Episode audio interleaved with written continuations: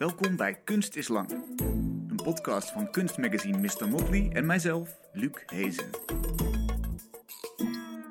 Dag, leuk dat je luistert. Lise Soren is mijn gast vandaag. Lise tekent diens eigen lichaam in grafiet en minstens levensgroot, soms zelfs meters hoog en lang, op een ondergrond van doorschijnende stof. Zo zien we Lise's naakte lichaam, getekend in zwart-wit, vaak liggend op de grond, in allerlei poses en met de blik op de kijker gericht. De vastgelegde momenten zijn niet toevallig gekozen. Lise of diens partner maakt een foto als Lise een sterke emotie beleeft.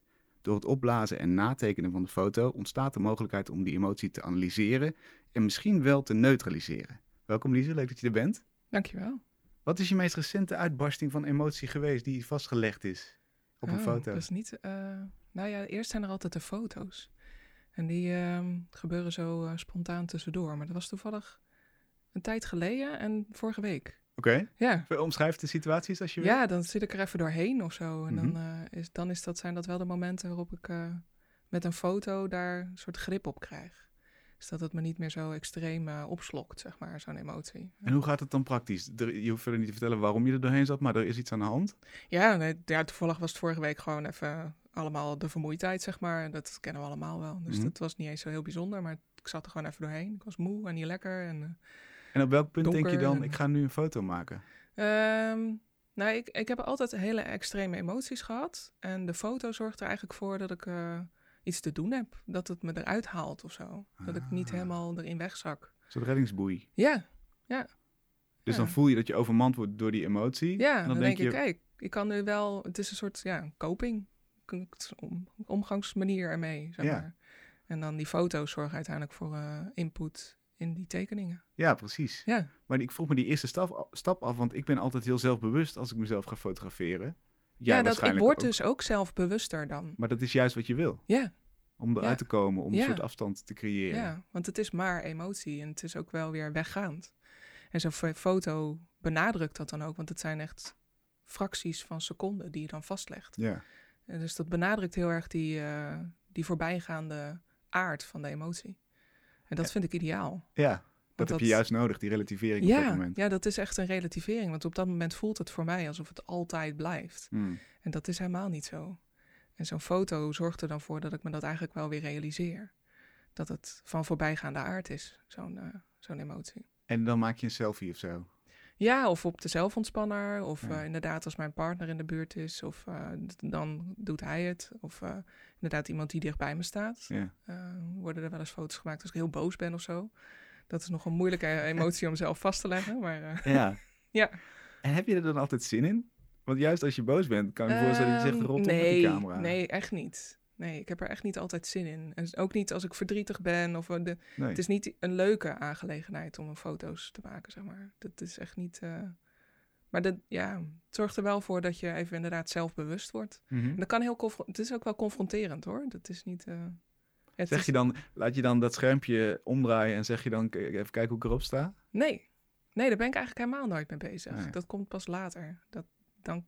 ja, het is niet alsof het dan ineens de wereld ingeslingerd wordt. Het zijn gewoon foto's in privé eh, bezit, zeg maar. Dus de, de foto's zijn niet het werk. Het is foto's, een soort vastlegging van de gebeurtenis. Die doen we wel vaker ook van andere gebeurtenissen. Maar meestal voornamelijk van leuke. Ja, Want dat tuurlijk. is wat we willen onthouden. Ja. Ehm, maar het relativeert wel dat ze er ook zijn van niet leuke momenten. Ik kan me ook voorstellen dat je een, een, nog een ander zelfbewustzijn hebt, namelijk van de maker. Dat je denkt, is dit een interessante compositie geworden? Ja, dat is later. Heb ik, ja. die, heb ik die uitdrukking al of nog niet? Ja, dat is echt later pas. Er worden gewoon heel veel foto's gemaakt op zo'n moment. Ah, ja. We maken van alles heel veel foto's. Dus ik maak ook van die momenten gewoon heel veel foto's. Ja. En dan op een later moment gaan kijken, wat zit er nou eigenlijk tussen? Dus er zijn ook keren dat er helemaal niks tussen zit. Dat ik denk, nou, hier kan ik nog niks mee.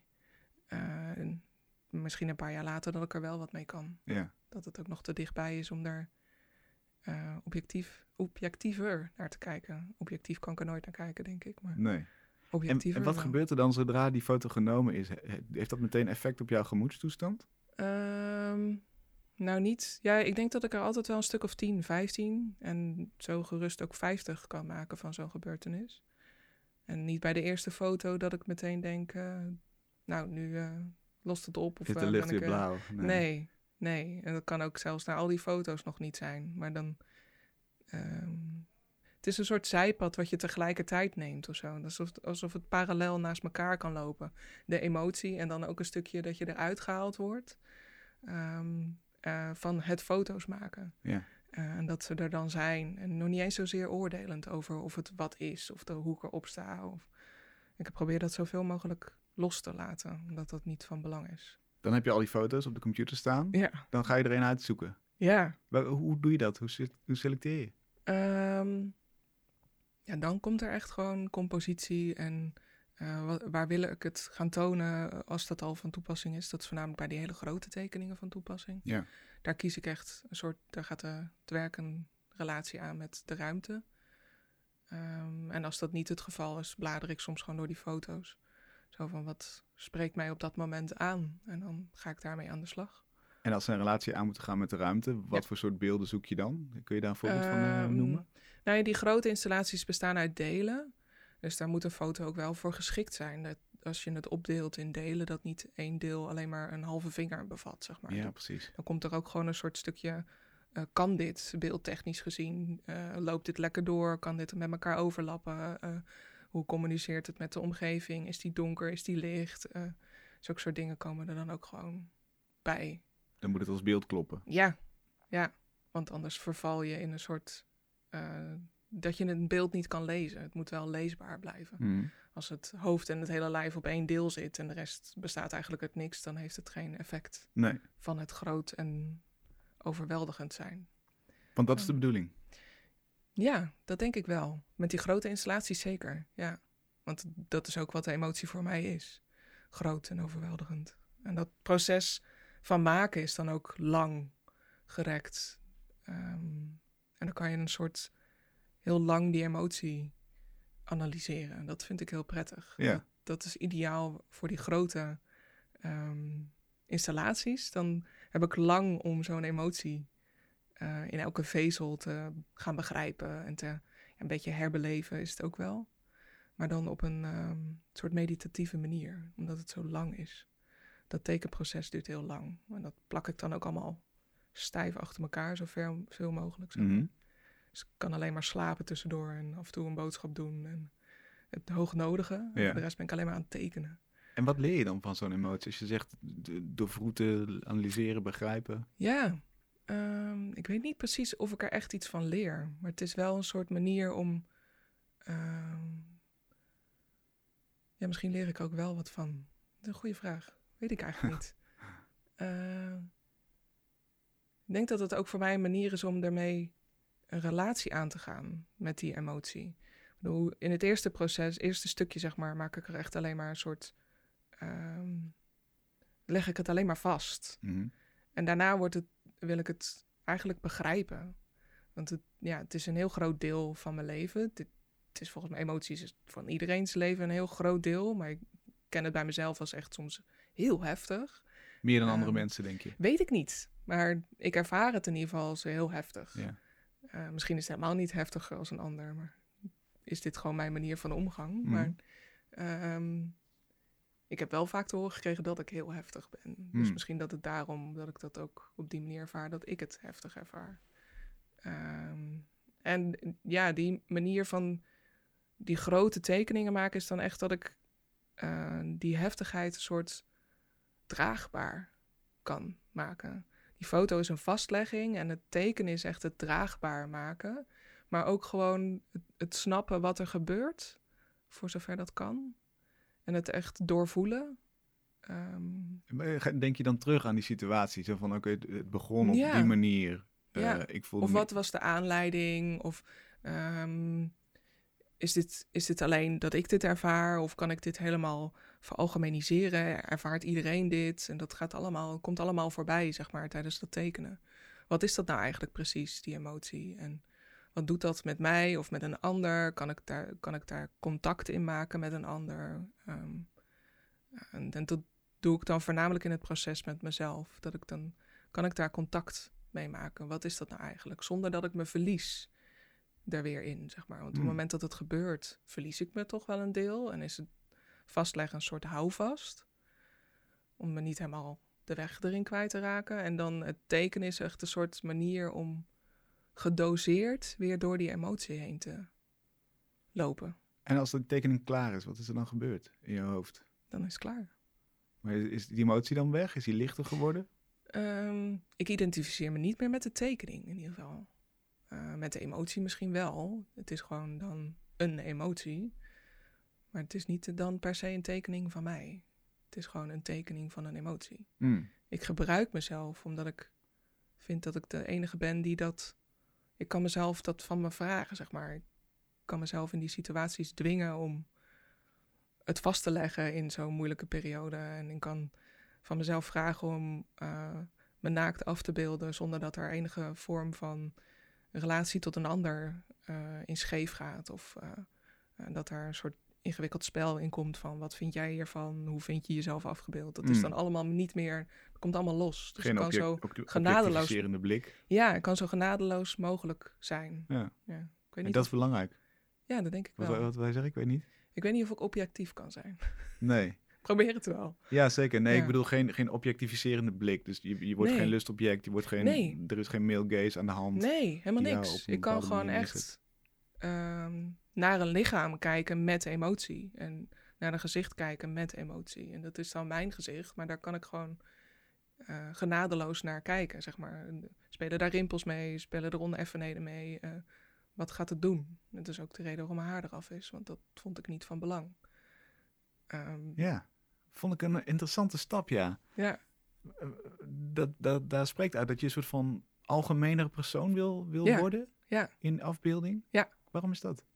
Ehm, nou ja, de eh, emoties zijn heel erg persoonlijk.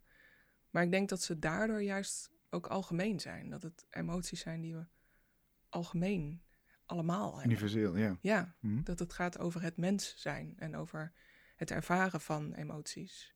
eh, in plaats van over mij. Ik kan het natuurlijk alleen maar over mij hebben, want ik, ik heb alleen mezelf. Ja.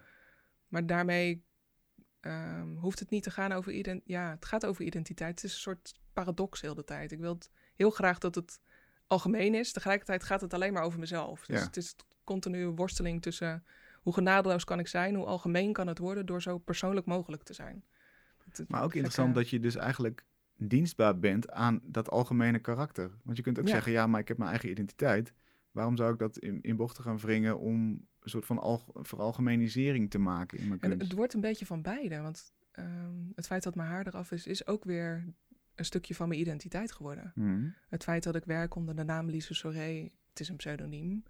Maar de naam is mijn identiteit geworden. Ehm, en de vraag is of dat erg is, zeg maar. Of, dat, of ik dan een andere identiteit weghaal of, of dat ik juist meer mezelf word. Dus dat is ook continu weer die zoektocht. Waarom heb je daarvoor gekozen eigenlijk, voor de pseudoniem? Eh, in het begin vond ik het makkelijker. Gewoon dat ik dan ni- geen rekening hoefde te houden met eh, mijn persoonlijke leven. Dat speelde dan niet mee. Het kon dan los persoon zijn. Het alter ego. Ja. ja, je durft meer of zo onder een andere naam. Mhm. Ehm, later ben ik me gewoon echt gaan realiseren dat ik me echt ben gaan identificeren met die naam. En ehm, dat het werk onderdeel is geworden van mijn identiteit. Het kunstenaarschap is onderdeel van mijn identiteit. Ja. Dus dat gaat een soort in elkaar overlopen. Maar er was een buffer nodig, blijkbaar. Ja, denk het wel. Ja. Ja, het is ook een soort. ehm, Ik ben altijd vrij verlegen geweest, of niet echt heel erg op de voorgrond. Ik nooit zo snel zeggend dat ik het ergens niet mee eens ben. Of, en dit gaf mij ineens heel veel vrijheid om dat allemaal wel te doen, zonder dat er direct consequenties voor mij aan hingen. Want als iemand mijn persoonlijke naam kende en dat googelde, dan kwam daar niet zoveel naar voren. Ah, ja. Dus dan hoefde ik me daar niet voor te verantwoorden. Ja. Terwijl dat nu helemaal niet meer aan de hand is. Maar dat is een soort. Zo is het begonnen. Ja, ja. En Om hoe kom mezelf je die op- vrijheid te op- geven. Ja, en hoe kom je dan op deze naam? Die heb ik echt uit de lucht gegrepen. Oh. Hoewel Soré is dan wel weer een, eh, een anagram, zeg maar. Als je dat omdraait, gaat het, zegt het eros. En Uh-huh. dat is echt over die liefde. En voor mij gaat het dan over die zelfliefde. Ehm, en over de zelfliefde in emotie en in wie je bent en in je persoon. En Hmm. Dus daar komt dat wel. Maar dan onder een pseudoniem. Wat ook weer Ja. enigszins, ironisch is ja, natuurlijk. ja, dat is ook eigenlijk ironisch. Zelfliefde ja. van een pseudoniem. Ja. Ja. En het gaat ook over ruimte innemen natuurlijk. Als je Ja. daar hangt op vijf lamellen van meters Ja. hoog. Jouw naakte lichaam. Ja. Baf, in die Ja. ruimte. Gaat dat ook, ja. En hoe ver kan ik of durf ik daar dan in te gaan, zeg maar. Ja. Ja. Wa- Waarom moet het naakt zijn eigenlijk? Heb je daar... Ook kleding is een vorm van je voordoen. Ah, ja, tuurlijk. Ja. Ik wil echt, echt zo min mogelijk voordoen of min mogelijk eh, laagjes eroverheen. Zo kaal mogelijk.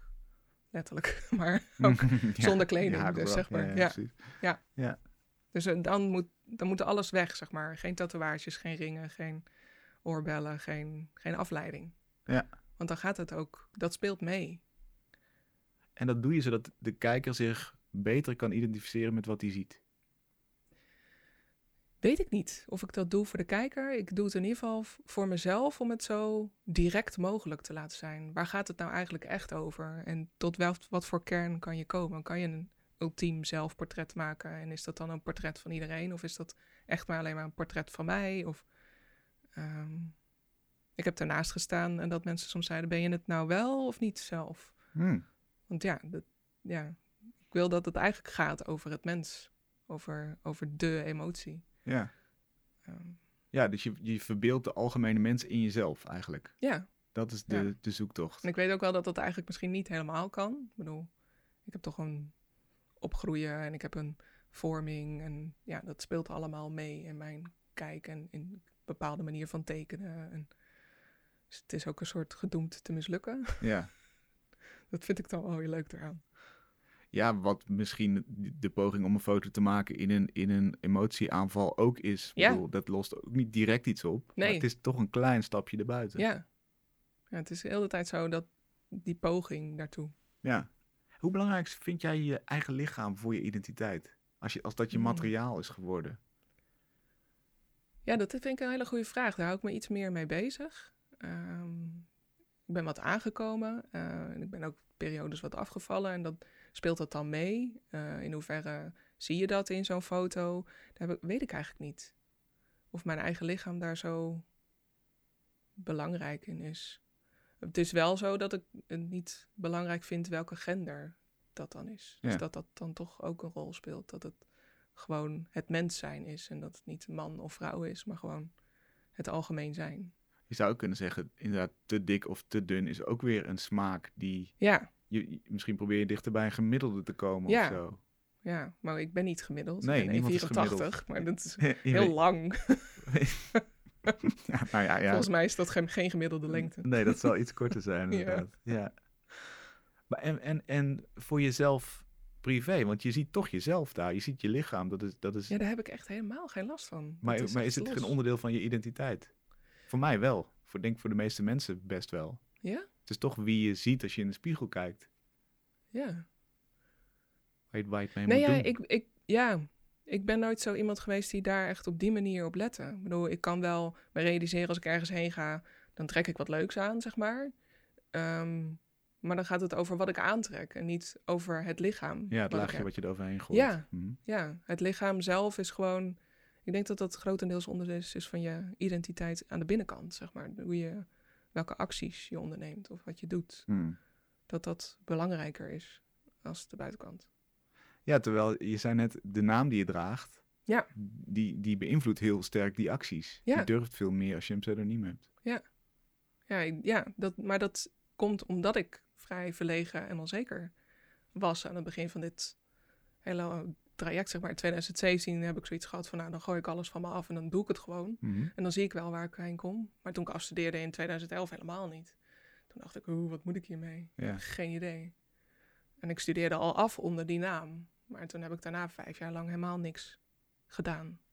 Omdat ik gewoon niet wist hoe ik me moest verhouden tot één, de kunst en mijn eigen werk. En eh, ik legde er heel veel laagjes overheen. Ik wist niet zo goed wat ik dan moest vertellen. Eh, weet ik misschien nog niet, maar nu doe ik gewoon dingen. Mhm. Ik denk dat dat heel veel scheelt. Maar dat, zit, dat kwam voornamelijk vanuit de binnenkant, zeg maar. Ik was onzeker. Ik wist me geen houding te geven. Dat is niet aan de buitenkant geweest. Ja.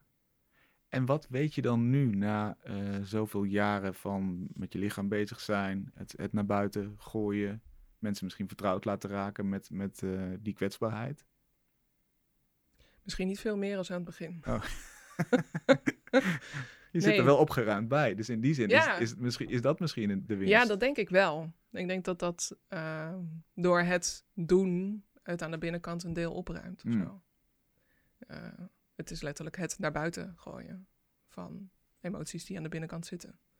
En die invloed hebben op die buitenkant. En hoe je erbij zit en hoe je je gedraagt. En Ja.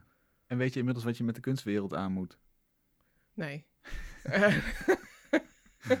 ik vind het heel grappig om het te analyseren, maar ik heb geen idee wat het precies... Soms vind ik het vrij conservatief, Uh, hoe het eh, in elkaar steekt. waarom? Nou ja, hoe het opgebouwd is. Ik denk dat het eh, musea lijken een soort onbereikbaar, willen bereik, bereikbaarder zijn. Ehm, galeries zijn eh, hier en daar nog wel wat onbereikbaar. En er zitten een soort grenzen tussen heel veel onuitgesproken afspraken die gelden. Eh, begint maar niet over geld, dingen. eh, en ik vind mijn weg wel. Ik denk dat het. Ik ben er nu achter dat het eigenlijk in elk vakgebied wel op dezelfde manier heerst. Hmm.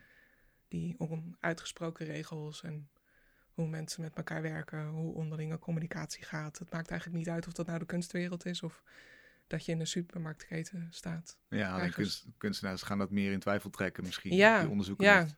Dus die onderzoeken dat weer en die bevragen dat systeem weer. Dus dan komt er een heel extra laagje bij kijken van wat doen we daarmee, zeg Ja. maar. En, En, het idee van alles naar buiten gooien, zo op de emotie gericht zijn, is dat, heeft dat zijn plek gevonden, vind je, in die kunstwereld? Mm, wel meer, denk ik. Ja, toen ik afstudeerde vond ik dat een stuk minder. Toen was het allemaal veel meer op theorie eh, gericht en wat je dan eh, precies theoretisch te vertellen had. En eh, ik kan een heel theoretisch boek lezen en dan vergeet ik alle namen weer, zeg maar. Dus toen dacht ik, oh, ik weet niet zo goed wat ik daar dan theoretisch me toe verhoud. Ehm, als ik me erin zou verdiepen en het op zou moeten schrijven, komen we er wel. Het, het zit er. Maar Ja. eh, als we het erover hebben, dan gaat het voornamelijk over emotie en hoe jij je voelt hoe ik me voel. eh, en hoe we elkaar tot elkaar verhouden in het nu. Dat is gewoon wat je interesseert eigenlijk. Ja, Dat je meer bezighoudt. ja. Ja, en dat was toen ik afstudeerde wat minder gangbaar. En ik denk dat ik nog wel eens ehm, erover nadenk of dat er besproken wordt. Ga je het dan alleen maar hebben over emotie? Ik heb geen idee of dat het enige is waar ik het over ga hebben. Ehm, het gaat ook niet alleen maar over emotie. Het gaat ook over de verhouding ertoe vanuit de omgeving. Eh, die grote installaties zijn altijd, vrijwel altijd gemaakt voor een specifieke locatie of een event. Ehm, dus dat, dat gaat automatisch al een verhouding aan tot Hmm. die context. En kleinere werken krijgen dat nu ook meer. Is dat die eh, omgeving of mijn levensloop daar van belang voor gaat zijn. Ehm, dat je waar je geboren bent, of hoe je bent opgegroeid en hoe je bent opgevoed en welke omgeving je leeft, dat het automatisch van invloed is. Dus die krijgen ook een soort, die kleinere werken krijgen een soort kader ehm, van omgeving, zeg maar. Dat is, ja, ik weet niet zo goed hoe ik dat moet omschrijven. Het zijn een soort houten panelen achter die kleine zelfportretten, Mhm. zodat ze het gekaderd krijgen. De grote installatie hebben altijd de, de ruimte al, of het event waar ze getoond worden, waar ze een relatie mee aangaan. Ehm, dat is onvermijdelijk. Dus die spe- dat speelt steeds meer een rol. En daarmee heb je het al niet alleen maar over emotie, maar Ja. ook over de context ervan. Over die relatie gesproken, ik, ik las dat jij eh, dat, dat, je doet herinneren aan waar je bent opgegroeid, waar je geboren bent. Dat in Ja. relatie staan van objecten. Leg Ja. eens uit, hoe werkt dat? Ja, ik ben geboren in Afrika. ehm, in Niger, dat ligt in West-Afrika. En dan in de hoofdstad. Daar heb ik de eerste paar jaar van mijn leven gewoond. Ik heb daar fysiek geen herinneringen aan, maar wel gevoelsmatig. Mm, Ehm, en zoals mijn ouders het omschrijven, ik was daar altijd als kind eh, aan het spelen. Wij leefden niet op een compound, maar echt op eh, gewoon naast, naast de buurt, zeg maar. En ik speelde daar met de buurtkinderen en ik was daar altijd weg en kwijt en vrij. En ehm, ja, gewoon heel gelukkig als kind. En die eh, invloeden daar zijn veel minder individualistisch als dat we ze hier in het westerse kennen. Je wordt hier beloond om, oh, dit heb je goed getekend of heb je eh, goed gemaakt. Oh, wat kan je mooi sommen eh, berekenen of oh, kan je tellen. Eh, en daar is het vooral dat als je goed voor elkaar zorgt, word je daarvoor beloond. Oh ja. Het is een heel andere sociale context. En dat, ja, dat heb ik later pas ook begrepen. Ehm, en met gesprekken met een vriendin van mij die psycholoog is, hoe die eerste ontwikkelingsjaren eigenlijk zijn voor een kind, kwam ik er steeds meer achter dat dat van hele grote invloed was op wie ik ben. En natuurlijk zijn mijn ouders en hoe ze daar terechtgekomen zijn en de, de thuissituatie dat net zo goed. Maar ook die dingen waren dus blijkbaar nog steeds van belang. Is Dat, dat, ik- wordt opgeslagen. ja, dat, wordt wordt, eh, opgeslagen. Een blauwdruk voor je leven. Ja. want je leert in de eerste paar jaar van je leven op een instinctieve manier reageren. En dat is zonder woorden, want je leert later pas praten. De eerste paar jaar leer je vooral dingen doen. En je gedragen en lachen en huilen. En eh, dat bestaat uit emoties en interactie met elkaar. Kun je dan zeggen dat je eigenlijk nu in Nederland in het verkeerde systeem zit? Of, of, of in Weet ik niet. Ik denk dat het, denk dat het gewoon gemengd is. Ik bedoel, ik ben ook zo westers als de pest. Ja, Laten we wel wezen. Ik ben een westers gezin opgegroeid. Ik ben twee blanke ouders. Ik ben zelf blank. Ik weet niet of ik er zoveel...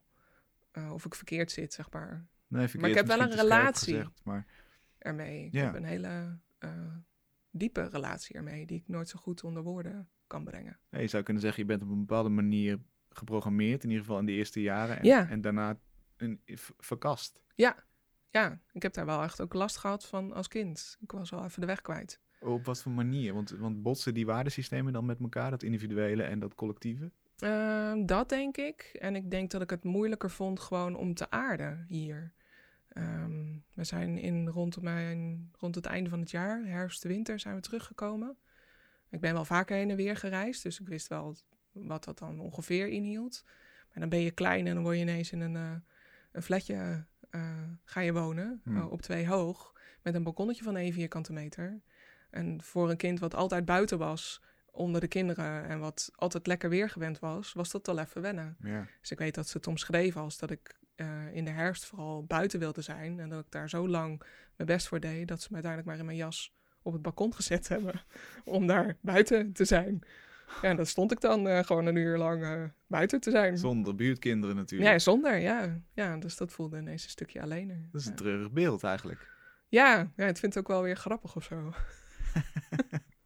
Wat je Als je, als je daarna, ja, als je naar het beeld, als je over het beeld nadenkt, dan is het best wel, ja, ik kan dat nu wel grappig vinden. Hmm. Natuurlijk is het ook wel verdrietig of zo, dat je dat dan, dat er zo'n groot verschil tussen zat en dat ik daar aan moest wennen. En ja, dat ik daar best wel, eh, ik vind verhuizen is niet mijn hobby, zeg maar. Maakt niet uit eh, of het nou drie meter is of, eh, of zo ver. Ik eh, word daar niet blij van. Hmm. Nee, laat mij maar zitten waar ik zit. Zou het een optie zijn om, om terug te gaan? Denk je dat het beter zou gaan dan?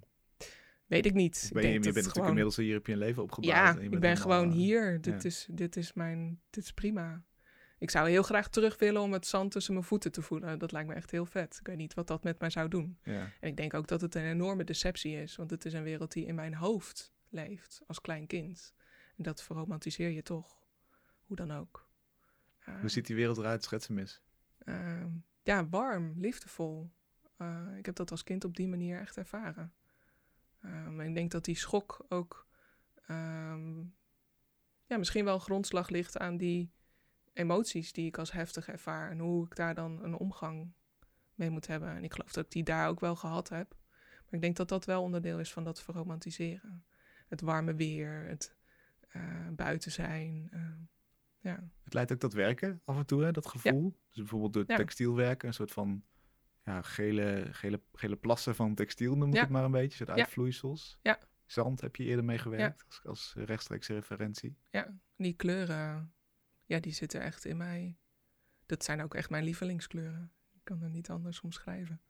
Die achtergronden van die kleine portretten zijn ook die zandachtige kleuren. En die textiel heeft inderdaad ook weer die referentie daaraan.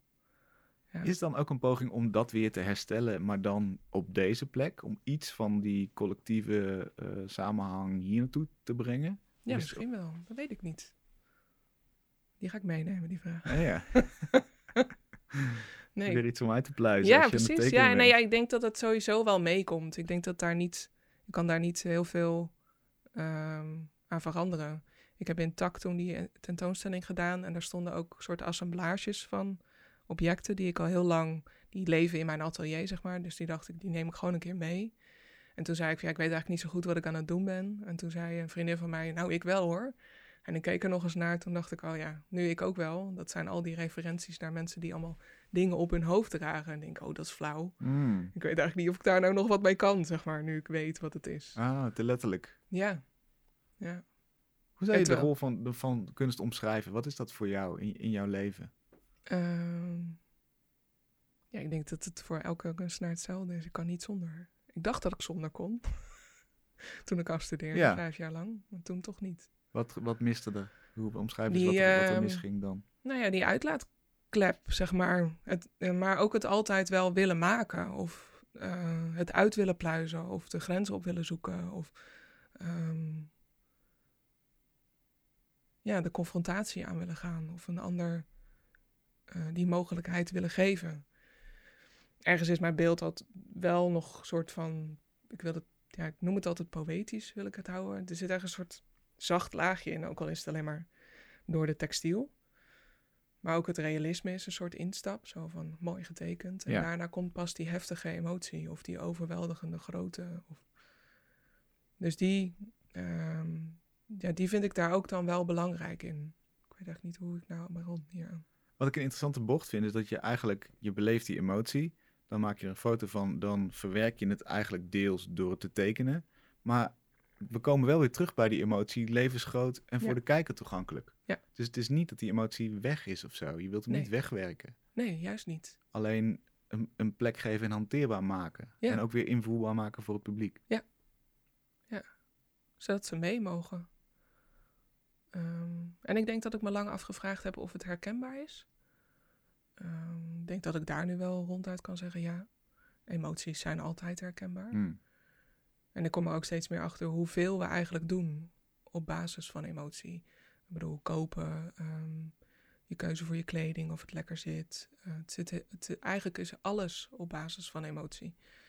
We leren alleen langzamerhand ook dat eh, rationeel denken of dat dat ook eh, van invloed moet zijn op, om niet je mee te laten voeren in bijvoorbeeld in je eerste instincten. Als je verdrietig bent, eh, alles maar kapot te maken. Maar dat je net wat meer rationeel nadenkt. Oh, misschien is dat niet verstandig. Ja.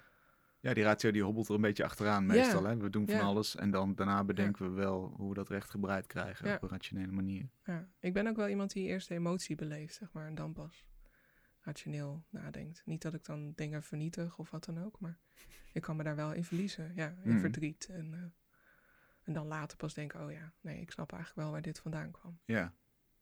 Ja.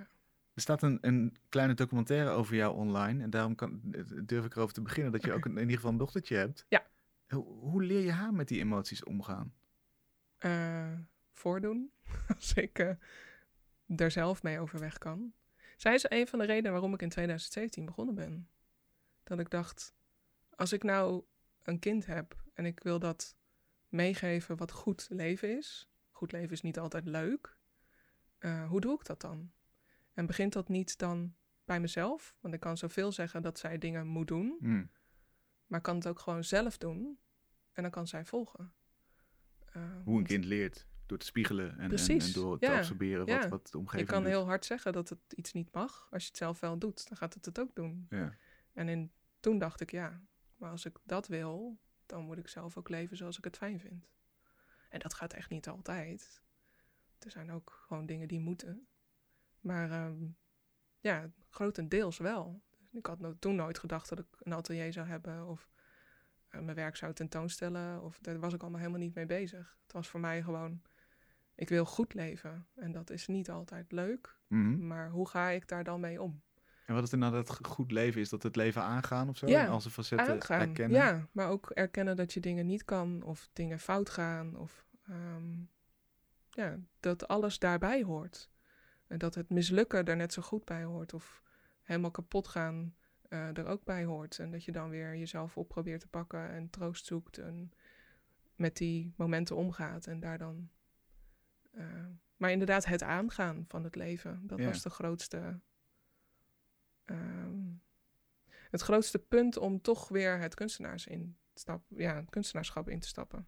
Want je zei net inderdaad, Ja. is het soms ook. Die, Ja. De blik op jezelf. Ja. Gewoon dit is nou eenmaal wat een mens doet. Ja, En daar past geen ijdelheid bij of zo. Dus ik ga alles laten zien. ja en natuurlijk, ergens als je kiest welke compositie er getekend wordt, kies je ook welke kant je van jezelf laat zien. Dus het is nooit helemaal. Het, het- ik probeer het wel, maar je kan het nooit helemaal voorkomen dat er een soort laagje overheen komt. Ja, de ergste foto's worden, worden toch opzij geschoven. Nou ja, of die, de, ja, weet ik niet. Of de ergste foto's opzij geschoven worden, maar de foto's die eh, niet lekker in het beeld liggen. Hmm.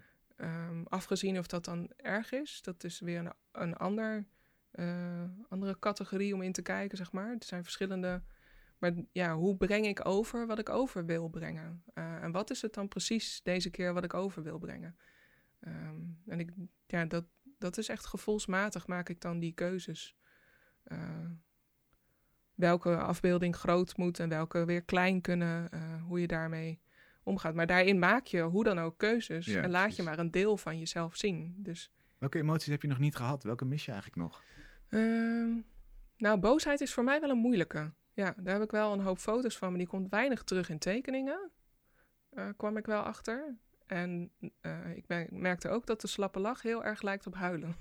Ah, ja. En die wissel ik wel met enige regelmaat echt, echt af, zeg maar. Dat, het is niet altijd de verdrietige kant. Het is ook ehm, echt heel erg hard lachen. En daar dan, als daar foto's van zijn, lijken ze dus blijkbaar heel erg op huilen. ja, dat vertrekken van je gezicht, Ja. als het ware. Ja. Welke heb je nog meer? Noem, noem maar nog eens wat. Want, want boosheid, lachen zijn, zijn logische. Ja, voor mij is verdriet een hele grote. Hmm. Ehm, ik denk dat dat een van de redenen is waar ik, waar ik echt mee begonnen ben, is die dat vasthouden. En in, dit, in verdriet zit voor mij een heel scala. Eh, moedeloosheid, eh, eh, echt eh, eh, je geen raad meer weten. Al die, daar zit, dat valt allemaal heel erg onder verdriet Hmm. voor mij. En die is gewoon heel groot en er zitten heel veel facetten aan.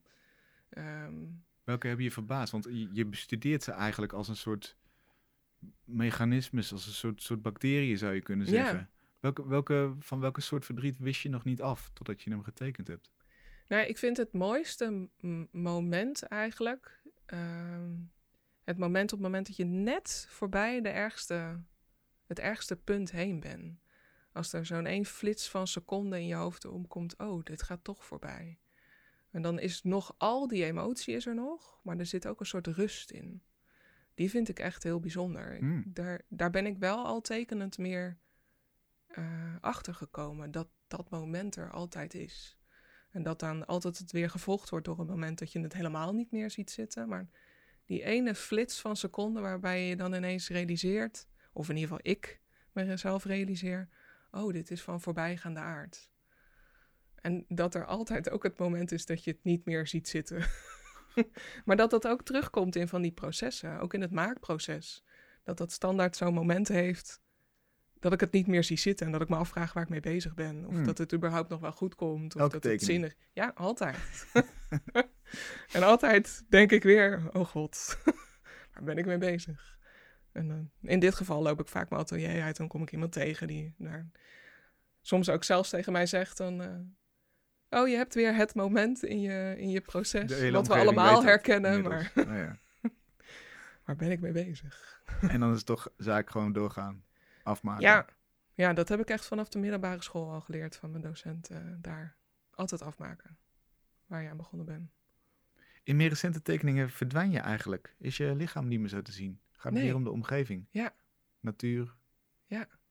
Ja, dat is echt dat ik probeer te onderzoeken welke relatie die omgeving aangaat met mij eh, en met die emotie die daarin zit. En hoeveel emotie er in die omgeving kan zitten. Ehm. Alleen dat, dat idee al, dat er Ja. emotie in de omgeving kan zitten. Leg eens uit, hoe kom je daarop?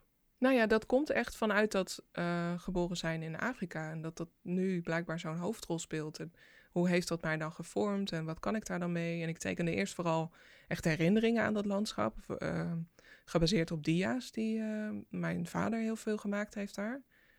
Ehm, en die, eh, daar haalde ik dan de mensen uit. Alsof ik dan het landschap in me op wilde nemen door het te tekenen, zeg maar. Het is eigenlijk dezelfde manier van werken als met die grote zelfportretten. Dus door het tekenproces meer eh, houvast krijgen ehm, in zo'n onderwerp.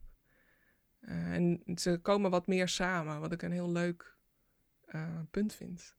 Is dat het een deel van het lichaam samen kan komen met een soort abstract vlak erachter, wat dan voor mij een soort Sahara voor moet stellen. Eerder was het in tentoonstellingen echt een soort duinachtige vrij letterlijke referentie aan Mhm. de Sahara of het zand waar ik dan mee werkte dat het wat letterlijker is. En nu lijkt het gewoon, uh, hoe, hoeveel kan ik weglaten om hetzelfde te doen? Om ook zo'n emotie te pakken en ook zo heftig, uh, overweldigend kan het dan zijn. Hoeveel kan je dan weglaten? Hoe erg kijk ik dan nog iemand aan? En uh, ja, waar zit dat eigenlijk dan precies in? En in het geval van de emoties ben je natuurlijk bezig een afstand te creëren tussen jou en die emotie. Ja. Het moet iets verder weg. Ja. Dat lijkt me tricky business bij die herinneringen, want die wil je misschien bij je houden. Juist. Ja. ja, het is eigenlijk heel tijd dat spel, zeg maar. Die emoties wil ik ook niet zozeer verder weg. Die wil ik vooral doorvoelen. Hmm. Uh, en daarmee komen ze wel automatisch verder weg. Maar ik denk dat dat eigenlijk met die herinneringen precies hetzelfde gebeurt. Ja. Ze komen niet zozeer dichterbij. Is dat niet zonde? Ja, tuurlijk. Ja. Dat je iets vernietigt blijkbaar door het dichterbij te halen? Ja. ja. Kijk, of kijk je er niet zo naar? Nou ja, ik denk dat dat eigenlijk onderdeel is van alles. Uh, de geschiedenis is ook alleen maar wat we hebben opgeschreven. Dus daar verdwijnt ook heel veel. Wat toevallig niet is opgeschreven. Wat misschien wel heel belangrijk was. Maar dat hebben we niet opgeschreven. Nee, maar dan zou je nog kunnen zeggen dat is, eh, dat hebben we niet gedaan, dus het is weg. Maar dit doe je wel Ja. en het verdwijnt. Ja, want je verliest daardoor dus ook dingen erin. Ja. Je laat weer dingen weg. In dat geval schrijf ik dus dingen niet op. Of ik teken dingen niet. Ja. Maar, ook, maar zelfs door te tekenen heb je dan niet het idee dat die herinnering zwakker wordt. Hmm. Nee, je verbindt het meer met het nu. Hmm. En daardoor verandert die. Het wordt eh, voor mijn gevoel meer onderdeel van het nu. Dus dan gaat het een soort van door elkaar heen lopen. Het heeft geen chronologische volgorde meer. Ik weet altijd wel, ik, kan, ik heb niet geen fysieke herinneringen aan mijn tijd die ik daar geleefd heb, zeg maar. Maar ik heb gevoelsmatig ontzettend veel binding. En dat wordt alleen maar meer. Omdat ik er zo mee bezig ben. Ehm, maar of dat dan ook daadwerkelijk aan daar is, of dat het iets is wat ik in mijn hoofd maak, dat Ja. weet ik niet zo goed. Maakt misschien ook niet uit, Nee. eigenlijk. Nee, dus Dat- ik weet niet of ik echt wat verlies, of dat ik er misschien wel juist meer bij krijg. Hmm. Ja, dat, zo zo zou je het hele leven natuurlijk kunnen zien als, Ja. als, als allemaal dingen die je aan, aan het nu naait. Om, om Ja. even eh, in je omgeving op te nemen, bij te hebben. Maar dat is ook volgens mij hoe je identiteit ontstaat. Door de dingen die je meemaakt en die je blijft onthouden, of die impact maken. Of, en alles wat niet zoveel impact maakt, dat laat je weer los. Wat weet je dan over die buitenwereld als je die, die natuur, de omgevingen Hoe kom je daar dichterbij? Mm. De relatie misschien tussen je binnen- en je buitenwereld. in Ja, dit ik denk- in dit geval doe ik vooral. Ik lees er veel over. Of ik praat erover. Dat is een soort informatie opnemen. En ik denk dat het, eh, het maken van werk daarin het meer eigen maakt. Heb je, heb je een voorbeeld van het laatste tafereel, eh, natuurtafereel waar je aan bezig bent geweest? Wat, wat heb je, Mm. omschrijf het eens, wat heb je daar Ja, die hing in mijn solo tentoonstelling in Rotterdam bij eh, Studio Seine. En dat was een werk, eh, dat eh, was een foto van ehm, het hek van het huis waar ik woonde als kind. Ik stond daar ook, in die foto stond ik zelf. Ehm, maar die heb ik eruit gehaald, die heb ik eruit getekend. En er stond ook een tuinman in, waar ik als kind blijkbaar een goede relatie mee had. Daar kan, kan ik me helemaal niks van herinneren. Uh, en daar lag een soort mooie boom. En dan laat ik dus de mensen eruit. Um, ook als een soort verlangen om daar weer te zijn, zeg maar. Dat als ik dan die mensen eruit haalt, ja, dan kan het meer van nu zijn. Dan kan ik het ook beleven zoals ik het dan nu zie. Ja, zou je erin kunnen stappen? Ja. Zonder dat je Ja. zelf twee keer in zit. Ja, als een soort venster naar. Ja. En het teken is voor mij ook echt dan. Ja, het beleven, maar dan heel gedoseerd. Het is hetzelfde als met die grote tekeningen van mezelf. Ja, inderdaad. Het is een venster, het is een pro- projectie. Ja. Waardoor het op afstand Ja. raakt, maar je er ook in kunt stappen of je opnieuw naartoe kunt verhouden. Ja. In welke richting gaat je werk zich ontwikkelen, denk je? Want we zijn nu je lichaam uit. We zijn in die omgeving. ja. Hoe ver gaat het nog? Wat Geen ligt er daarachter? De wereld We in. zullen het zien. Nee, ik weet, ik weet het echt niet. En dan heb ik al een tijdje dat ik me dat afvraag. Ik heb ook periodes gehad weer dat ik dacht, ik weet niet zo goed wat ik moet maken. Ehm, dat er mensen kwamen, en heb je al wat in de planning? Nee, eigenlijk niet. Ik weet het niet. ik ben wel blij met dat het, eh, wat meer samenkomt. En dat het ook een soort spel is van hoeveel je dan nodig hebt eh, om die verbinding tussen het portret en de omgeving te maken. En hoe gaat dat dan eigenlijk eh, samen met elkaar? Dat is al een periode echt uh, dat, dat het niet alleen maar het portret is. Mhm. Het is een soort groter ding van emotie en de verhouding van mij tot de omgeving. En hoe ver dat dan algemeen is. eh. Ja, want je zou kunnen zeggen, je, je, je lichaam is eigenlijk je beeldmerk geworden. ja, Als je het hebt over die kunstwereld, Ja. het is voor heel veel kunstenaars natuurlijk handig om een soort ja, oeuvre te hebben wat herkenbaar is. Nou, Ja. jij bent super herkenbaar, dat klopt, ja. totdat je lichaam eruit verdwijnt. Het gaat vast geleidelijk. Dan gaan jullie gewoon allemaal mee. nee, ja, ik vind het. Ik kan niet in één keer wat anders gaan maken. Dus dan zou je een soort breuk opleveren. Mhm. Eh, die portretten komen toch steeds terug. Eh, ook al zijn het delen ervan. Ehm, dus ook voor mij zit daar nog heel veel in, in facetten van welke eh, delen van het lichaam bevatten nou eigenlijk die emotie. En heb je daar ogen voor nodig of juist niet? Ik heb een serie gemaakt wat dan de afmetingen had van mijn lengte, dus 1,84 hoog. En dan lag mijn lichaam onder op dat doek helemaal opgekruld. En dan zag je eigenlijk nooit mijn ogen. Dus dan keek ik eigenlijk helemaal niemand aan. En toch gaat het diezelfde relatie aan. Dus de hele tijd zoek ik daarin wat je daar dan nodig hebt. Of je dan dat hele vel of dat hele doek moet betekenen om dan een relatie aan te gaan Hmm. ermee. Of dat ik daar zo onderin opgehoopt kan liggen. En dat het toch diezelfde ruimte inneemt als mijn lijf. eh. dat, ja. Het droogt niet op, denk ik, zo Nee. snel. Dat zijn Nee. eindeloze vragen Ja. rondom je eigen identiteit en eigen lichaam. ja, Dankjewel, heel veel succes. Fijn dat je er was. dankjewel. Tot zover Kunst is Lang van deze week. Dit programma wordt mogelijk gemaakt door het Prins Bernhard Cultuurfonds, het BNG Cultuurfonds en het KF Heijn Fonds. Waarvoor heel veel dank.